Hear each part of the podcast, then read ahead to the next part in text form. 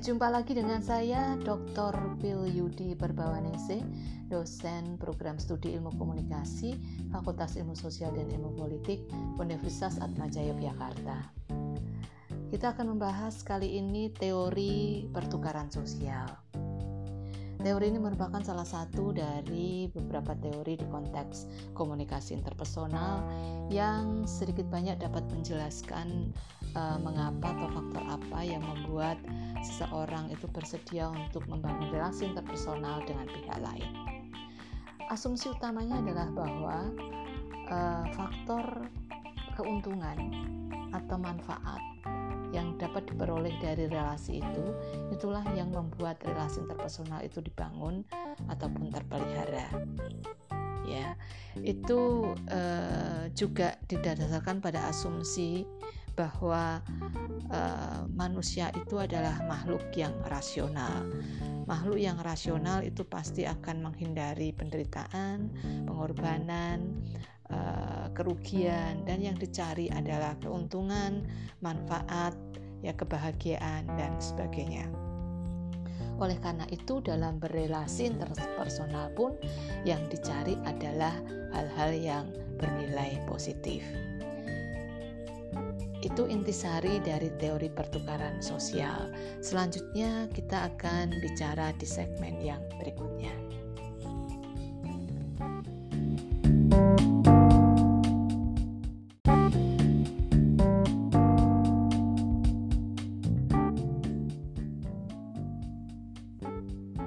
sudah saya jelaskan bahwa sebagai makhluk rasional, manusia itu sebagai makhluk yang rasional akan mencari sebanyak-banyaknya keuntungan dan manfaat, termasuk dalam hal membangun relasi interpersonal.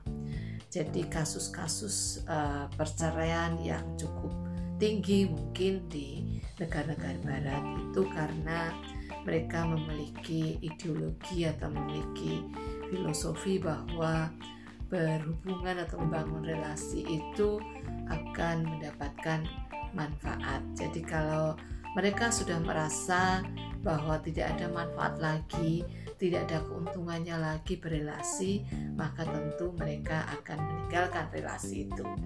Itu asumsi bahwa manusia itu adalah rasional.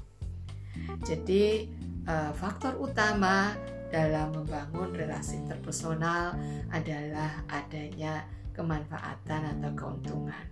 Dan keuntungan dalam berrelasi itu seperti sebuah rumus atau hitung-hitungan, yaitu uh, apa yang kita dapat itu lebih dari apa yang kita berikan, sehingga outcome-nya itu uh, positif. Kalau yang kita berikan lebih besar dari apa yang kita terima, itu berarti outcome-nya adalah negatif. Jadi, ketika berelasi itu outcome-nya negatif, maka relasi itu akan mengalami kemunduran atau berhenti. Oleh karena itu, satu hal yang penting di dalam teori ini menjelaskan bahwa untuk bisa mempertahankan relasi interpersonal, kita harus selalu melakukan evaluasi. Ya, evaluasi tentang apa yang ingin saya harapkan dan apa yang bisa saya berikan. Karena apa yang ingin saya harapkan dan apa yang bisa saya berikan itu berubah dari waktu ke waktu. Saya masih saya kasih contoh perubahan itu saya pertama kali ketemu pacar misalnya ya itu pada saat itu mengatakan bahwa aku mencintaimu apa adanya. Ya apa adanya itu artinya uh, tidak mempertimbangkan kelas ekonomi tidak mempertimbangkan ketampanan misalnya. Tapi kemudian uh, mereka menikah atau saya menikah. Itu bisa jadi kemudian yang saya bilang uh, saya bilang bahwa aku bisa menerimamu apa adanya itu bisa berubah saya kemudian mulai menuntut bahwa yang namanya orang menikah itu ya rumah yang bagus, mobil yang bagus, pakaian yang bagus, makanan yang enak. Nah itu kan artinya kemudian ada perubahan. termasuk dalam hal apa yang saya beri.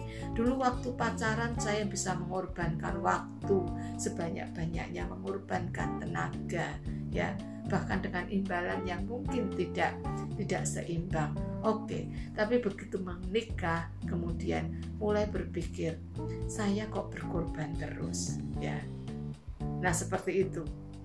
Waktu saya tidak lagi untuk bisa untuk diri sendiri. Jadi, yang namanya apa yang saya berikan dan seberapa yang bisa saya terima itu mengalami perubahan.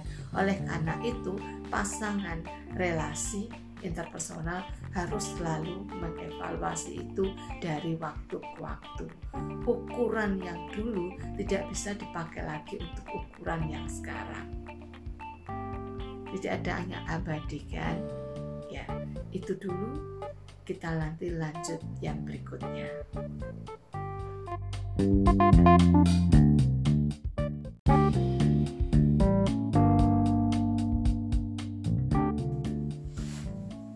Nah, kita bicara tentang mengevaluasi ya, mengevaluasi apa sih yang dievaluasi selain mengevaluasi apa yang diharapkan dan apa yang diterima itu artinya sebenarnya kita juga mengevaluasi output jadi apa outputnya itu positif atau negatif itu uh, senantiasa harus dilihat kan itu pasti berubah.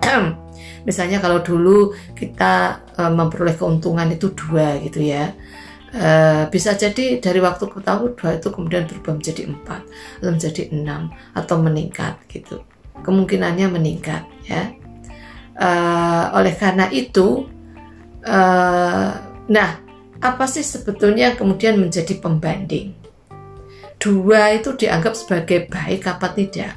Itu dibandingkan dulu dengan yang lain. E, kalau dalam bahasa teori ini dikatakan ada yang namanya comparison level, ya. Jadi output yang ada sekarang, kondisi yang ada sekarang itu dibandingkan dengan uh, comparison of level of alternative, alternatif pembanding. Nah, alternatif pembanding itu misalnya salah satu membandingkan kita dengan pasangan yang lain. Jadi, misalnya nih, kita tuh sebetulnya cuma dapat dua nilainya. Nilai positifnya, kita tidak terlalu puas dengan relasi itu. Tapi ketika kemudian dibandingkan dengan uh, apa namanya pasangan lain, ternyata kita lebih baik maka itu dianggap bahwa kemudian eh, masih menguntungkan, outputnya masih positif. Relasi kemudian bisa dapat berjalan terus. Selain membandingkan dengan pasangan lain, juga membandingkan dengan bahkan dengan uh, jika kita tidak berelasi. Seandainya saya sendiri tidak berelasi, itu apakah masih lebih baik? Kalau masih lebih baik, maka kemungkinan relasi akan jalan terus. Tapi jika dibandingkan dengan tidak berelasi, itu ternyata lebih buruk ya, artinya lebih baik sendiri daripada berelasi, maka kemungkinan besar relasi itu akan berhenti dan kemudian masing-masing orang yang terlibat dalam relasi itu akan keluar dari relasi. Nah, jadi itulah pembandingnya. Jadi kita akan bisa mengerti bahwa uh, Uh, kalaupun kita merasa sangat menderita gitu ya banyak artinya outputnya adalah negatif. Kita terlalu banyak berkorban. Sementara yang kita dapatkan itu lebih rendah. Outputnya kan negatif. Itu belum tentu juga membuat relasi itu berhenti. Karena tergantung pada pembandingnya. Kalau ternyata pembandingnya itu sama aja atau lebih buruk dari yang kita punya ya relasi itu bisa berjalan terus. Salah satu kasus ya yang bisa kita pakai KDRT. Beberapa perempuan mengalami KDRT.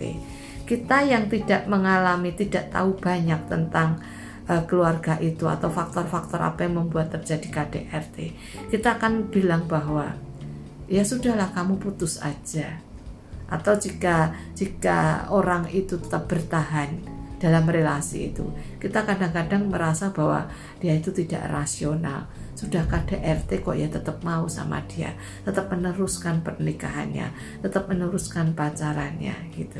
Ya kadang-kadang kita berpikir begitu. Padahal ada kemungkinan bahwa si si perempuan ini yang mengalami KDRT atau tidak harus perempuan ya supaya tidak bias gender laki-laki juga bisa mengalami KDRT nah, siapa pun pasangan yang mengalami KDR itu ketika melanjutkan hubungan itu karena mereka merasa bahwa relasi itu tetap masih lebih baik dari pembanding alternatifnya. Mungkin ada pasangan yang lebih buruk lagi, atau merasa bahwa kalau saya harus bercerai, kemudian hidup sendiri, itu akan lebih buruk daripada ketika tetap berrelasi. Ini contoh uh, mengapa pilihannya begitu, ya uh, hidup berelasi itu lebih baik daripada hidup sendiri. Misal begini, ketika sudah terikat pernikahan dengan anak, si perempuan atau pihak si perempuan misalnya dalam konteks ini lebih banyak kasusnya itu tidak bekerja. Artinya ekonominya tergantung pada uh, si laki-laki.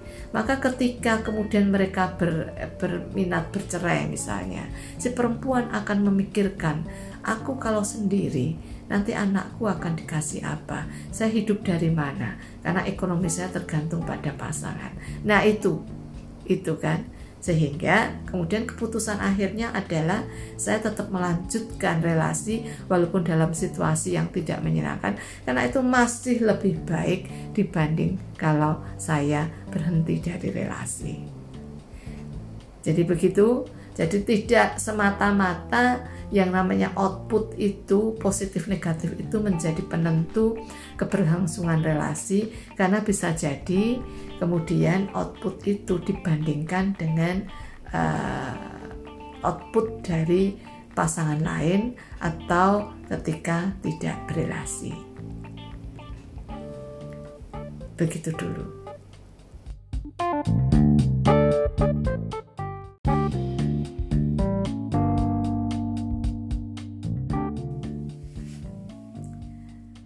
Sebagai kesimpulan dari teori ini, setelah ada paparan atau penjelasan eh, yang cukup padat tadi, cukup informatif tadi, saya mau garis bawahi bahwa merujuk pada teori pertukaran sosial, merujuk pada teori pertukaran sosial, membangun relasi interpersonal atau memelihara relasi interpersonal itu dibutuhkan faktor yang namanya kemanfaatan atau keuntungan relasi yang tidak bermanfaat atau relasi yang tidak menguntungkan itu tentu akan membawa pada kemunduran relasi atau berhentinya relasi. Keuntungan itu adalah merupakan uh, output atau hasil dari apa yang kita terima dikurangi dengan apa yang kita berikan. Jadi jika outputnya positif itu artinya apa yang kita terima lebih banyak dari apa yang kita berikan.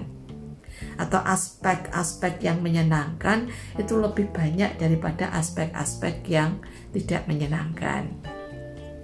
Sehingga kemudian hasilnya positif. Hasilnya negatif itu sebaliknya Sekali lagi, relasi dapat terus berlangsung atau relasi dapat diciptakan ketika outputnya adalah positif. Akan tetapi, output yang negatif itu juga belum tentu mengurangi, uh, menurunkan kualitas relasi atau uh, relasi berhenti, karena output itu akan selalu dibandingkan ada pembanding outputnya dibandingkan dengan output pihak lain atau dibandingkan dengan kalau tidak berelasi. Berikutnya lagi bahwa output itu itu akan senantiasa berubah oleh waktu. Ya, oleh karena itu pasangan relasi harus senantiasa melakukan evaluasi. Dengan mengetahui yaitu perubahan itu maka pasangan relasi itu uh, relasi interpersonal itu dapat menyesuaikan diri dengan perubahan itu. Jadi demikian mudah-mudahan dapat dipahami. Kalau ada pertanyaan, silahkan kirimkan pertanyaan ke alamat email saya yudi.perbawanese at